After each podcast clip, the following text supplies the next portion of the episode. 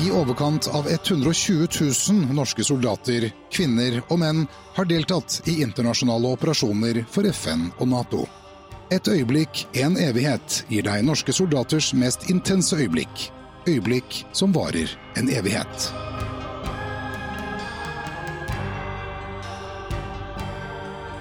Velkommen til eh, en episode med Et øyeblikk en evighet, hvor vi igjen er på bygning 1 her på Akershus festning. Gamle kontorene til eh, Gunnar Sønsteby.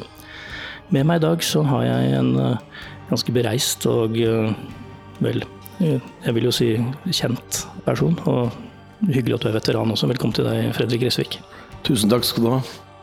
Vi har, vi har sett deg på TV og fra mange forskjellige verdensdeler og til dels dramatiske situasjoner. Det som kanskje mange ikke vet, er at du startet vel den internasjonale karrieren i Libanon. Når var det? Det var i 93. 92 var det. Høsten 92 så dro jeg ned til Libanon etter å ha jobbet som journalist litt i NRK radio. Utdanna journalist og statsminister og studert Midtøsten, så jeg var ganske interessert i Midtøsten. Så hang det en lapp på tavla på NRK Hordaland der jeg jobbet, om at de trengte en presseoffiser i, i Libanon. Oppmøte om en måned. Så da passa det godt for meg, så da dro jeg. Eh, og endte opp eh, i Libanon etter eh, Ja, vi hadde vel et kurs som varte en måneds tid eller noe sånt før vi dro ned. Ja, den vanlige innkjøringen. Ja. Hvordan var den overgangen? Nei, jeg, jeg ble ganske sjokkert når jeg kom ned, fordi jeg hadde det inntrykket jeg tror veldig mange hadde da, i 92, et inntrykk at det, borgerkrigen i Libanon var over, at det bare var noen FN-soldater som sto og surra der nede og kjøpte gullsmykker og var korte på håret, og kom solbrune hjem. Men jeg, jeg, kom ned og våknet første morgen til maskingeværild. Og det var den lyden jeg våknet til det neste året, eller de neste 14 månedene mens jeg var der nede. Det var, det var angrep så å si hver eneste dag mot israelske posisjoner, og tidlig om morgenen så angrep Hizbollah med, med eh, raketter, de la ut veibomber, og, og israelerne skjøt tilbake med maskingevær. Så det var, ganske, det var ganske heftig. Og det var ikke sånn jeg hadde sett for meg at det skulle være. Jeg ble litt sjokkert av det, men eh, jeg følte meg trygg da, som, som var på en svær base med masse andre soldater. Ja, For du var stasjonert på Falkhøyden? Jeg var på Falkhøyden. Jeg var presseoffiser uh, og hadde ansvar for Radio Norbat. og for, som, ja, Vi sendte ut nyhetssendinger hver eneste dag, og også oppdatering om hva som hadde skjedd i Teigen. Og vi visste jo at israelerne lyttet, så da med litt begrensninger. Men vi hadde Radio Norbat, og så hadde vi var det slik at jeg og Mio, da, vi var Mio og Pio, jeg var presseoffiser, og så hadde vi en militær informasjonsoffiser som normalt vil være etterretningsoffiser. Vi reiste rundt og, og, holdt litt foredrag på de forskjellige posisjonene om hva som skjedde i området. Han fortalte om hva som hadde skjedd de siste ukene, mens jeg fortalte om storpolitikken rundt. Og det var mye, mye medieinteresse, spesielt i 93, når Oslo-avtalen ble kjent mellom Israel og Palestina. Så var interessen for den regionen spesielt høyt da, hjemme i, i Norge. Men du var der, og det må ha blitt litt personlig for deg når du opplever liksom disse trefningene, og du, du er midt oppi det hele tiden? Ja da. Det var, det var flere hendelser der som, som, som, har satt spor i meg. og det, det, er først og fremst kanskje sommeren 93, hvor det var en svær offensiv fra israelsk side mot Hizbollah. Vi var da inne i den israelsk okkuperte sonen. Og Hizbollah angrep jo eh, israelerne i, i, dette området. Og Hizbollah hadde nå de våpnene de hadde. De hadde Katusha-raketter som gikk litt sånn Ja, så de fyrte det av, og så var det litt usikkert akkurat hvor de ville lande. Så det var jo den største faren for oss, kan du si. Og så var det jo også ganske tett på israelsk eh, artilleriild, men det føltes eh, noe tryggere. Men det var jo episoder hvor, hvor, israelerne tok kontakt og lurte på om vi hadde folk i spesielle områder, fordi de så at det var, var noen som var ute midt på natten, om det kunne være norske patruljer eller infiltrasjon fra andre. Hvor nærme kom du egentlig når det, altså, når det smeller? Hvor nærme var du? Nei, Jeg hadde en episode. Jeg har vært uh, I begynnelsen av denne offensiven sommeren 93 så var jeg i uh, Nakura. Jeg hadde vært på en møte der nede. Uh, gjort et intervju med Force Commanderen, som da på den tiden var norsk, general Trond Furuhovde. Gjort et intervju som skulle sendes ut som pressemelding hjemme. Og så var offensiven i gang. Og vi, tok, vi, vi kjørte gjennom det som ble kalt Charles Wingate, som mange vil, vil huske. Som var en eh, posisjon be, bemannet av den sørlibanesiske hæren, det som var, tidligere var major Hallads milits. Og idet vi kommer til den, så kom det eh, en byge med Katusha-raketter. Eh, og de kom veldig nærme. Eh, da fikk jeg en såkalt firing close med Katusha, som da er under 30 meter. Og det er klart at det er tett på en rakett, men disse rakettene hadde jo mer drivstoff i seg enn en, en eksplosiver. Så det var litt sånn at hvis du ikke fikk den i huet, så var det ikke sikkert den gjorde så veldig stor skade. Men da kom det en byge med fra maskingeværredet som SLA hadde der, eh, mot meg mens jeg drev og åpnet og lukket disse portene. Og jeg tror det bare var for å liksom, gi beskjed om at bare kom dere av gårde. Ikke, ikke ta deg bryet med å lukke den porten slik du skal gjøre. Det, og det føltes ubehagelig, selvfølgelig. Det var, det, det var tett på. Eh, eh, og så ble jeg registrert da, som en firing close på, på meg som person. Men, eh, men det, det, var jo fort over. Og, og adrenalinet har jo altså, Jeg har jo kjent på det mange ganger siden også, men, men det er jo en sånn euforisk følelse av at du, du overlever jo, ikke sant. Så det er en god følelse, det. Ditt opphold i Libanon var jo Det varte jo et år.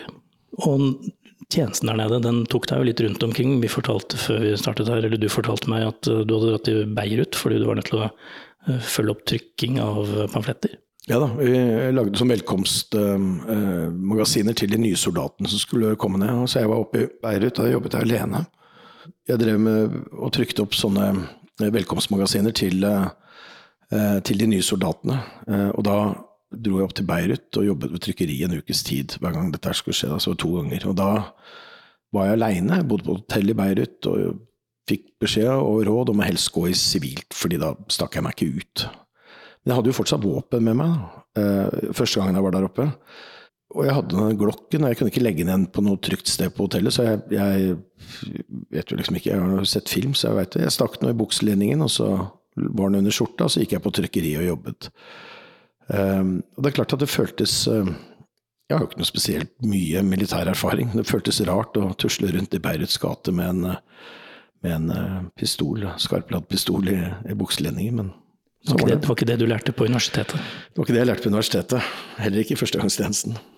Vi har ikke vært innom det, men du, var, du fortalte meg du var i feltartilleri eh, i førstegangstjenesten? Ja da, jeg var uh, i, i 1986, oktober i 86, så møtte jeg på Haslemoen og skulle da i uh, artilleriet. Jeg ble først plassert i en uh, kanontropp, men så fant jeg ut at jeg hadde både førerkort og og videregående, så da flytta de meg til noe annet. Eh, og, og så endte jeg opp med å dra til Lagermoen, rett og slett fordi jeg var fra Oslo, og det var mye mer behagelig å gjennomføre rekruttskolen der enn eh, oppe i skauen der på Elverum. Så da dro jeg ned til Lagermoen og var der i to måneder, og så var det opp til Setermoen som, eh, som sanitetsmann i, i artilleri der.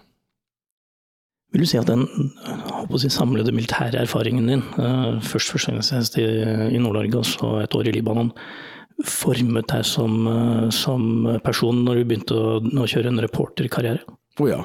Um, det var stor betydning. Altså, når det gjelder førstegangstjenesten, så må jeg bare si at det, det, var jo det som brakte meg til Libanon, på sett og vis. Eh, jeg hadde jo aldri trodd jeg skulle bli offiser eh, på, på noe tidspunkt, men jeg ble jo det.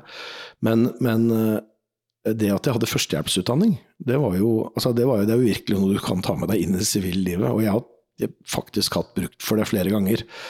Og jeg har Eh, det er en del ting som du trener på så mye at det sitter. Og, og, og, det å pusse en kanon, det trenger du kanskje ikke når du er ferdig med førstegangstjenesten, men det å kunne yte førstehjelp, det har jeg gjort. Jeg har vært den som melder meg når de roper opp andre gang på fly om det er noen som har, eh, som har eh, noe medisinsk bakgrunn, og det ikke er noen andre som melder seg. Så sier jeg at jeg kan, kan litt. Og så har jeg jo vært i situasjoner hvor folk rundt meg har blitt skutt og, og utsatt for uh, bombeangrep.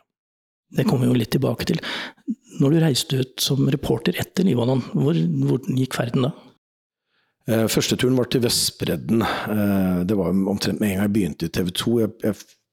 TV 2 var jo helt nystarta, de trengte jo noe med en eller annen form for krigserfaring. Eller noen som kunne ta seg rundt i krigsområder.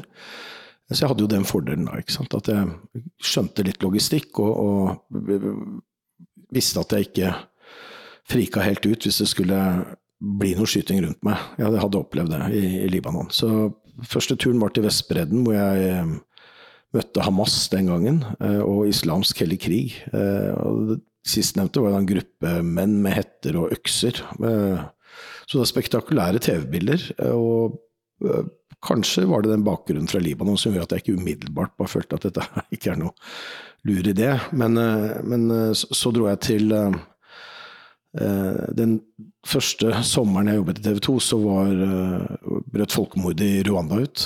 Og da ble jeg sendt ned til nabolandet Zaire, det som i dag er Kongo, og dekket flyktningstrømmen over der. Og dro også over til Rwanda en kort tur.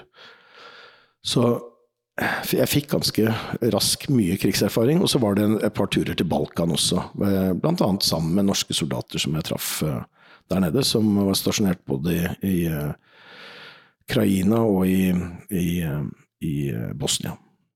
Altså, vi som har fulgt med på nyhetene og sett deg ute, får inntrykk av at du hele tiden står, eh, står midt oppi der det smeller. Og, og, det er nesten litt sånn nytt i forhold til, eller var nytt i forhold til norske reportere, som stort sett vi var vant til å høre rapporterte fra uh, bakre rekker, kan man vel si. Fra, fra uh, hotellet Yaman f.eks. med Karsten Tveit. Og var det, var det bevisst for deg at du skulle ut der det skjedde, og prøve å komme så nærme som mulig? Teknologien har jo endret mulighetene til å bevege seg tettere på fronten. Um, det er klart, Jeg, jeg skrev hovedoppgaven min eh, på universitetet i USA da jeg gikk eh, der, om eh, medias dekning av den første Gulfkrigen i 1991. Eh, så eh, Da reiste jeg rundt og intervjuet mange av de journalistene som hadde dekket den krigen. Og jeg opplevde jo eh, Altså, de snakket om det å dekke krigen med så stor eufori og så stort engasjement at jeg tenkte at dette her må jo være verdens beste jobb. Så det er klart at det lokket litt der. Og så så jeg også at de, de den gangen klarte å komme seg ganske tett på, eh, tett på hendelsen. Det er klart at eh, det har blitt for tett noen ganger. og nå er Situasjonen jeg har vært i, at jeg har vært reisende reporter fra Norge. Så mens, mens andre har vært ute eh, i, i, som korrespondenter i fireårsperioder rundt omkring, så, så har det, det, vært dreid seg om den, de, den ene konflikten de har, mens jeg har hoppet mellom flere konflikter har du noe tall på hvor mange konflikter du har? Jeg tror det er rundt 30 væpna konflikter. Det har vært mye i mange av de samme. Da, Jeg har vært mye i Israel-Palestina, dekket Gaza-krigen, og jeg har vært i, veldig mye i Irak og Afghanistan.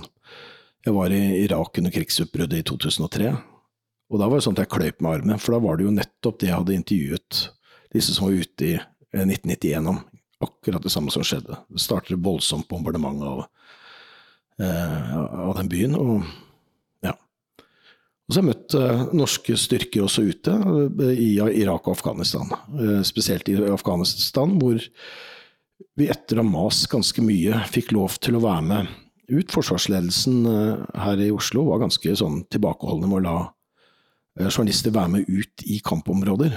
Av hensyn til vår sikkerhet, som de sa. Men jeg sa at jeg brukte argumentet overfor det var vel Harald Sunde den gangen, at hvis ikke jeg får lov å være med dere ut i kamp i Afghanistan, så blir jeg bare sendt til eh, de amerikanske styrkene i Irak og må være med de ute i Fallujah. Det er mye farligere. Så av hensyn til min sikkerhet, så kanskje jeg skal få lov å være med. Og så kom det jo også et krav fra soldatene etter hvert, for de opplevde jo eh, litt det samme som vi som var i Libanon, at ikke folk forsto helt alvoret eh, i det som skjedde på bakken.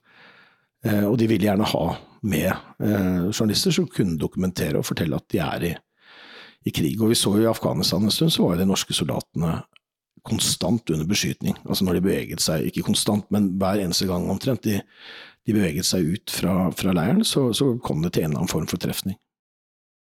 Hvis vi skal eh, gå litt tilbake til disse forskjellige eh, områdene du har vært i, og, og konfliktene du har dannet og sånn, er det noen der som har festa seg som, som, du ikke blir kvitt? Altså, er det noen episoder der som du, du tenker, eh, tenker på hele tiden? Ja, altså Hvis vi tar de episodene jeg opplevde etter at jeg var uh, i Libanon, så, så, er det jo altså det er, det er flere episoder som sitter uh, hardt i. Det er Libanon 1996, hvor, uh, hvor, jeg av tekniske årsaker hver dag måtte bevege meg fra Sør-Libanon til Beirut for å få sendt dem stoffet mitt. Da var, måtte vi kjøre på en strekning som ca. to km lang, hvor israelerne beskjøt den veistrekningen med, med granater fra båter som lå på utsiden. Så hver gang vi satte i gang full fart oppover med, med sjåføren eh, og meg, da, så fotografen ble igjen på, på sørsida, så, så, så vi to lysglimt og visste at det var to granater på vei. Eh, og de smeller jo på et eller annet tidspunkt. Og det var jo for hver dag så var det jo nye bilvrak som, som sto der. Men det gikk bra. Men det er sånn som altså, det, er, det kommer jeg aldri til å bli kvitt. Um, og jeg kjenner jo, når jeg snakker om det nå, så kjenner jeg på den frykten jeg hadde da. Og så er det øh, flere anledninger hvor det har vært skutt ganske nærme, bl.a. Uh, av IS i 2016. Men det er klart at det som sitter hardest i, det er angrepet på Serena hotell i 2008. Uh, hvor daværende utenriksminister Jonas Gahr Støre var på tur, og vi var en gruppe på sju, sju journalister som fulgte åtte journalister som fulgte Støre, og, og bare sju av oss kom hjem i liv. Ja, for det var jo drama. Og du var på innsiden, og du kan jo kanskje dele litt av hva, tenker du da? Var du hjelpeløs? Var du, du var vel i en viss form for frykt for hvordan dette kom til å gå? Nei, altså det, Her fungerer jo kroppen og biologien på en ganske rar måte. Når angrepet startet, så var det masse skyting ved inngangspartiet. Og det så vi fra hotellvinduet, og, og filmet det. Men det var også veldig godt bevokta hotell, så det føltes trygt. Men det var jo ikke det, for disse vaktene de falt om eller gikk og gjemte seg, og angriperne kom seg inn. Han ene ble nok truffet eller et eller annet i, eh, i det de angrep, for han sprengte seg ganske fort eh, i lufta. Mens han andre angriperen, som var ikledd afghansk politiuniform, han stormet inn på hotellet og begynte å skyte. Vi hørte jo skytingen, og det var voldsomme kruttrøyk fra bomben som hadde smelt. og så prøvde vi å gå nedover i bygget. Jeg tenkte at jeg ville prøve å finne Jonas Gahr Støre. Det var målet. Når vi finner han, hvor er han hen? Og, og liksom filme ham og dokumentere dette som skjer rundt uh, utenriksministeren. Men uh, vi kom såpass tett på uh, ilden nede, da, altså hvor det var mye skyting rett utenfor en dør, så vi trakk oss tilbake på hotellet. der i mellomtiden ruta var skutt i stykker. Så venter vi litt, det blir stille, så kommer vi oss ned, og så finner vi jo flere. Jeg fant Sammen med noen andre så fant jeg jo Bjørn Sennungsen, en norsk diplomat, som var skutt gjennom en lungen. Uh, vi begynte med førstehjelp på han, og så skulle jeg hente eller få tak i ambulanse i resepsjonen. Så jeg gikk til resepsjonen, og resepsjonisten lå i bare en dam av blod. Han var, han var død. Og så møtte jeg en annen kollega som fortalte meg at Karsten Thomassen fra Dagbladet var skutt. Og etter hvert så, så flytta vi oss også over dit, og begynte med førstehjelp på han sammen med de andre. og Bjørn Svennungsen ble hentet av uh, norske soldater, men uh, eh, pga. dårlig kommunikasjon mellom oss og de soldatene, og det voldsomme blodtapet til Bjørn som gjorde at legen, den norske legen umiddelbart skjønte at de må få han på sykehus med en gang, så ble det ikke tid til å, å, å lokalisere oss og ta med Karsten i, i første runde, dessverre. Jeg vet ikke om det hadde gjort noen forskjell, men så ble Karsten Thomassen uh, hentet etter en stund, og, og vi ble fraktet uh, ned i kjelleren på hotellet der Støre satt med sin livvakter og sin delegasjon. Vi var der en stund før vi ble tatt ut til flyplassen, og ved ankomst til flyplassen så var det noe som tok Jonas Gahr Støre til side, og jeg så jo at han fikk en melding som, uh, som ikke var god. Jeg trodde jo, basert på det jeg hadde sett av de to skadde, at kanskje ikke Bjørn hadde klart seg. Karsten Thomassen har reist med en del i Midtøsten eh, og uh, i Afrika blant annet. Kjente han. Og eh, på et tidspunkt der, idet Støre skal fortelle oss hva som skjer, så kjenner jeg armen til statssekretæren hans som tar tak i meg. Og da skjønner jeg jo at dette her var mye nærmere enn det jeg trodde. Men utenom eh, Serena-incidenten så har du jo vært eh, ikke bare i Afghanistan, du dro til Irak. Var det like intenst der? Ja, altså krigsutbruddet var det. Det var jo voldsomt, ikke sant. Ehm, det er jo faktisk sånn, selv om ikke alle har trodd på dette, men, men Bagdad ble de første ukene av krigen utsatt for et større, større mengde eksplosiver enn Dresden under andre verdenskrig. Eh, det var Ragnarok, men de bommet jo stort sett de samme husene hele tiden. Var jo, eh, Strategien var jo å skremme De skulle skremme regimet. Amerikanerne var glemt å tenke på at de også skremte sivilbefolkningen. Eh, så de ble jo ikke tatt imot som helter når de kom, kom inn til byen. ikke sant? Men så var det en stund etter at amerikanerne tok sånn delvis kontroll over Irak. Det gikk an å bevege seg rundt som journalist. Reise litt rundt og, og, og oppsøke steder, oppsøke irakere. Men så ble det farligere og farligere. Sommeren 2003 så begynte kidnappingene. Eh, og de skar jo huet av, av folk. Det, det, som da senere ble Al Qaida eh, i Irak, og etter hvert eh, utviklet seg til å bli IS.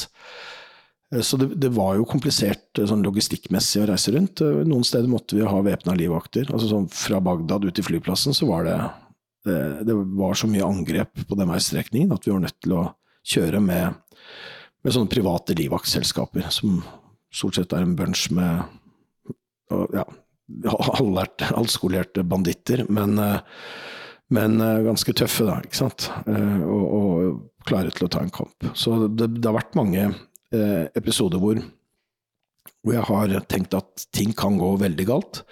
Noen ganger har jeg angret på at det er et sted. Jeg tenker bare i all verden, hvorfor gjorde du dette? Du skulle jo egentlig vært på ferie denne uka, og så sa du ja til en tur, og så plutselig står du her, og dette er ikke noe, er ikke noe bra. Men det er jo liksom den følelsen at du må jeg tror, kanskje man blir bedre etter hvert da, til å føle seg fram på hva man bør og ikke bør gjøre.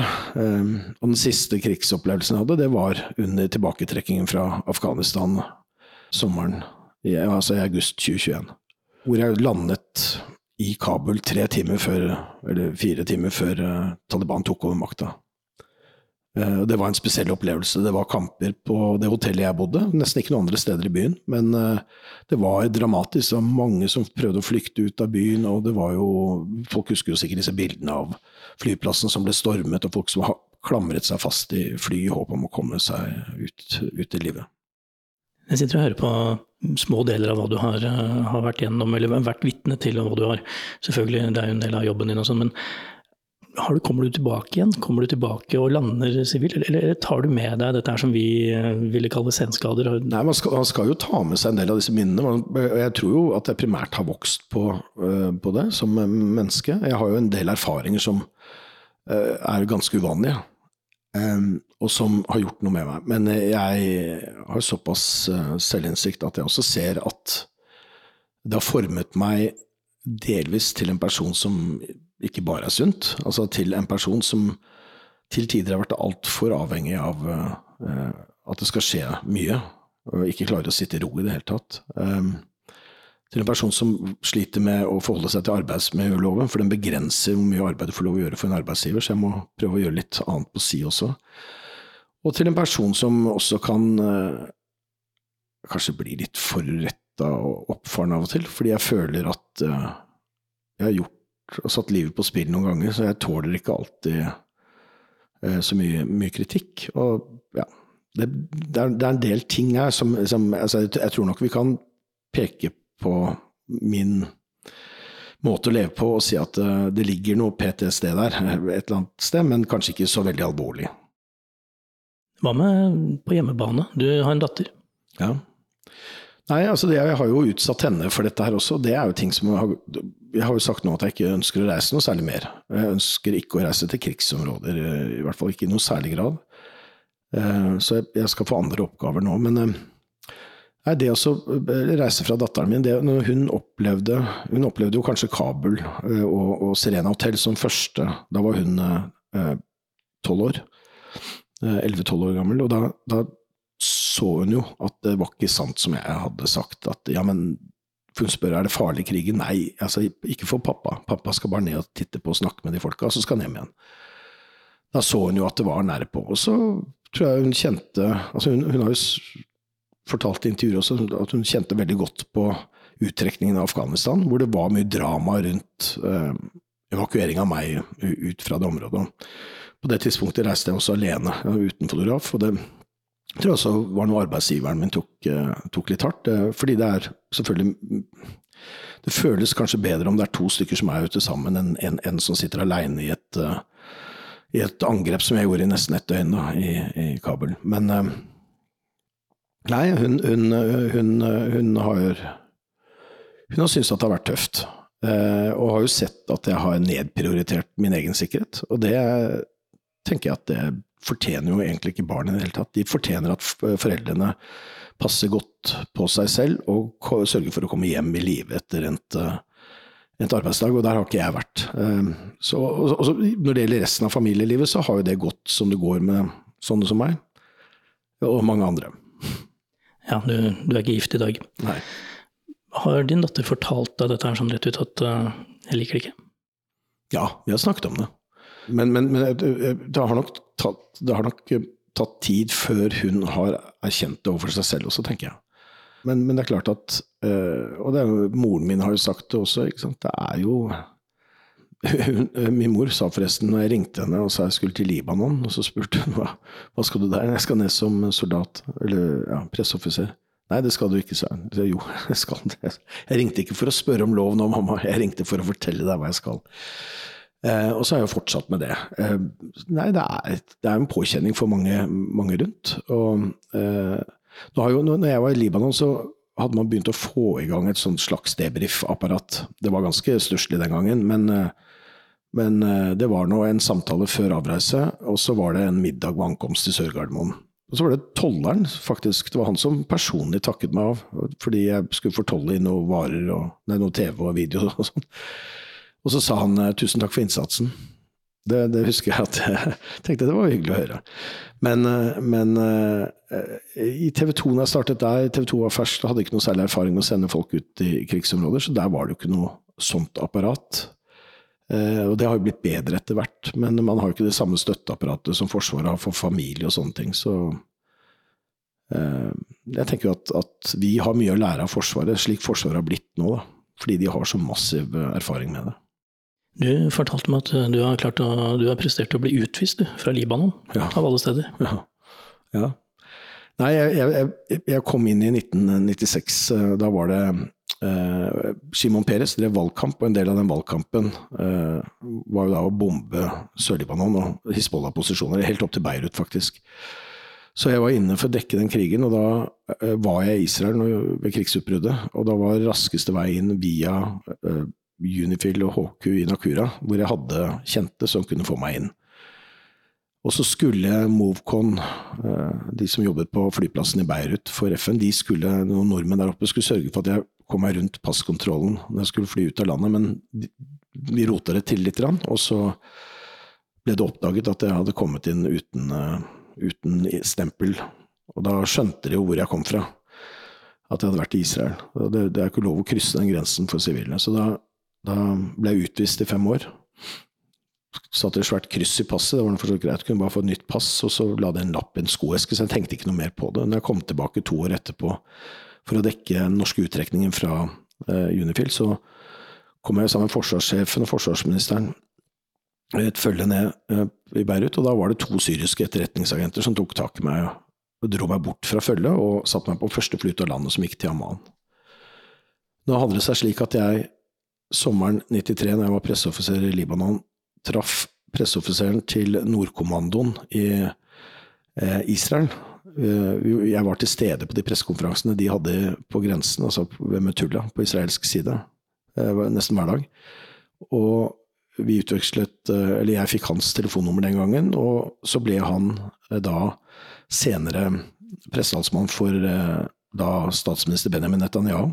Så han ordnet jo et par intervjuer for meg. Altså, det, var en fyr jeg hadde møtt tidligere, så det er jo sånn man var en god kontakt. Og jeg ringte han og sa at jeg er utvist fra Libanon, men jeg må være der i morgen, for det er siste dagen de norske soldatene er der. Og da trakk han i noen tråder, og så sa han bare dra opp til Metulla, så kommer det noen og henter deg i morgen tidlig. Og da kom GSS og hentet meg, og ba meg legge inn alt av identifikasjonspapirer. Og så kjørte de meg over grensa og slapp meg i, i den der sjekkposten mellom Folkehøyden og Eblel Saki. Og GSS var ikke spesielt godt likt av de norske soldatene. Så han norske soldaten han skvatt litt til når jeg hoppa ut av bilen her. Han kjente meg igjen. Så sa jeg at jeg trenger å komme opp til Folkehøyden, kan du hjelpe meg? Og så hadde vi bare et tidspunkt jeg skulle møte de på ettermiddagen, så jeg kom meg ut igjen på samme måte. Men jeg har, jeg har kjørt bil med mange rare folk etter det også, så jeg Av alle de stedene du har vært, og alle de um, situasjonene du har vært i, er, er, det noen som du føler har vært mye mer intense enn andre? Er det noen som har vært mye verre enn en, uh, andre? Altså, Gaza-krigene har, spesielt i 2012, så var sånn, fordi du kommer deg inn til Gaza. For å komme inn i Gaza så må du gå på en sånn to kilometer lang strekning eh, inn i et bur. Og du er totalt hjelpeløs hvis det skulle Og det er mye skyting rundt der. For det er jo så nærme altså Det er jo fra den israelske posisjonen. Så du må gå denne strekningen, og så må det klareres i hver ende. Da. Det er jo en, en uh, Hamas får ikke lov å stå i den andre enden, for israelerne vil ikke snakke med dem, men det står en sånn liaison en annen palestiner der og, og, sier at nå er det klarert, nå kan du gå til den israelske eh, leiren der borte, og så komme deg inn i Israel. Men når du da er inne på Gazastripen, så er utgangspunktet så er det ingen utveier. ikke sant? Du er der til noen sier at nå kan du forlate uh, dette her. Og de bomber, jo, de bomber jo byene. Det er jo uh, utrolig tett bebygd område. Så jeg hadde en episode i 2012 hvor jeg sto og rapporterte på et tak uh, i Gazas høyeste hus. Altså det siste stedet du egentlig føler at du må være, men det er nå der de har plassert disse TV-kameraene. Og jeg, jeg sto der og rapporterte. og det var mye bombing bak meg. Det var ganske dramatisk eh, i 21-sendinga til eh, TV 2 den kvelden. og da, da sa Arild Riise, som var nyhetsanker, at eh, nå må du bare komme deg i sikkerhet. Så, jeg, det føles så rart å stå og se inn i et kamera, du har lyst til å snu deg rundt og se hva som skjer rundt deg. Så han kom meg i sikkerhet, og så gjorde jeg for så vidt det. Men det var ingen som ville kjøre meg til hotellet, som for øvrig hadde blitt bomba, så det var ikke så farlig. Men eh, jeg sov da la meg til for å sove under en skrivepult oppe hos eh, AP, Associated Press, sine kontorer uh, ved siden av Yasera. Så jeg har akkurat sovnet. Så, så smeller det altså så voldsomt. Ruter blir blåst inn, og det er betongbiter som flyr gjennom eh, rommet. og da, da bomber de huset ved siden av, som, som de tar med flere bomber på rad, sånn at hele bygningen kollapser. Det gjør forbausende lite skade på nabobygg, men det gjør noe. Og, og det var voldsomme smell. Og du vet, akkurat en sånn innsovningsfase så er du også ganske sårbar mentalt. Så det var, det var dramatisk, og ja eh, Det var Lyset går, av mye skriking, og folk som blør og skjærer seg på, på glass. Det var en ganske tøff opplevelse, og jeg sleit i ukene etterpå, etter jeg kom hjem til Bergen da, at, med at jeg våknet om natta av krafteksplosjoner. Som selvfølgelig ikke var det. Men uh, jeg gikk til psykologen, og så sa han at det, det, er jo ikke rart at du reagerer sånn. Uh, men det, det, må på en måte forsvinne etter en stund. Uh, og det gjorde det, heldigvis. Det hender jo at de kommer tilbake, men det er ganske langt mellom hver gang. Når du har det yrket du har og har hatt, og vært sånn, blir du blasert noen gang? Blir det sånn at det er vanskelig å få den samme empatien og samme entusiasmen som du hadde i starten?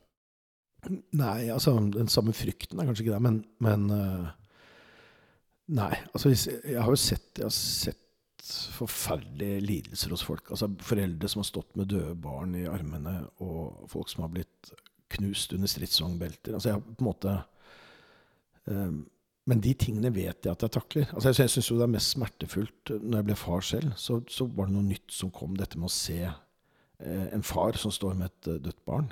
Ikke sant? Fordi du setter deg så mye lettere inn i hans eh, fortvilelse. Uh, og de tingene har vært der hele tiden. Uh, hvis jeg blir blasert på noen måte, så er det mer det at det er, det er, jeg omgås presidenter og ministre uten å liksom få granatsjokk av det hver gang jeg møter dem. Du blir ikke så lett starstruck? Nei, jeg er ikke sånn som før. Jeg har, jeg har vært fem ganger inn på kontoret til Donald Trump de siste årene, så jeg, jeg har eh, første gangen så måtte jeg klype meg i armen. Men eh, wow, jeg er på presidentens kontor, liksom. Men uh, siste gangen så var det bare walk in the park.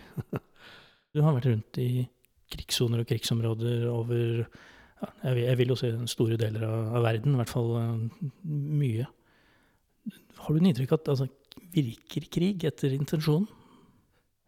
Av og til så oppnår jo noen noe med å krige. og Vi ser jo sånn som krigen i Ukraina og Russland, så er det jo en nødvendighet å ta til våpen og stå opp mot uh, noen som uh, angriper deg. Ja, dessverre så virker det. Men, men, men, så har vi også sett hvor håpløst det kan være. USA har jo på mesterlig vis klart å rote seg inn i langvarige konflikter uten at de har oppnådd de målene de har satt seg. Uh, Afghanistan var jo et sånt eksempel. ikke sant? Man brukte ti år på å ta bin Laden, burde kanskje trukket seg ut da. Men ble stående ti år til og målet var jo at det skulle bygges et demokrati der, men det klarte de jo ikke. Og så er det Irak-krigen, som var helt katastrofal. ikke sant? Og som også var bygd på eh, hele eh, eh altså Årsaken til krigen var jo bygd på falske premisser om at Saddam Hussein drev og produserte masseødeleggelsesvåpen. Eh, og man, man, trodde var utrolig naive, slik som man har vært i andre krigsområder, og trodde at hvis man går inn der og fjerner en diktator, så vil folket bli lykkelig. Men eh, man må i Afghanistan og Irak skjønne at, og etter de krigene skjønne at det å utvikle demokrati er noe som tar tid, og som folket selv må få lyst til å gjennomføre. Akkurat når vi inn, spiller inn dette her nå, så fikk du en melding fra politiet. Og du forteller meg at du tror det har noe å gjøre med noen drapstrusler. Og så sier du at ja, det, det hender. Det får, hvordan føles det? at noen, noen, vil faktisk ta livet av deg, enten reelt eller De liker deg ikke, i hvert fall. Ja, de liker meg ikke. Det er mange som ikke liker meg. Hvis, hvis, noen har lyst til å ta livet av meg, så tenker jeg at de skal uh, Det var veldig dumt å sende en, en trussel på forhånd, da, spesielt med de som gjør det med fullt navn. Sånn, da tar jeg det ikke så veldig alvorlig. Uh, men vi har jo sånn nulltoleranse hos oss i, media stort sett på dette her, så folk blir jo anmeldt. Men det, det blir heller ikke gjort så mye fra politiets side, for de anser det jo ikke sånn de sjekker jo bare vanligvis opp, og så er det folk som sier nei, nei, nei, det var ikke sånn ment. Men eh, det er klart at når du får meldinger om at eh, du bør se, passe deg litt og se deg over skulderen, og du ikke klarer å spore meldingene, så er det ubehagelig. Jeg sier tusen takk for at du ville stille opp i et øyeblikk i evighet og, dele litt av eh, et yrkesliv i, i, krig. Det er lov å si det. Tusen takk skal du ha, Fredrik. Takk skal du ha. Dette er en av mange unike historier om selvoppofrelse og mot fra våre soldater. Her lar vi soldatene selv fortelle om de intense øyeblikkene, akkurat slik de opplevde det. Historier som rett og slett er blitt et øyeblikk, en evighet.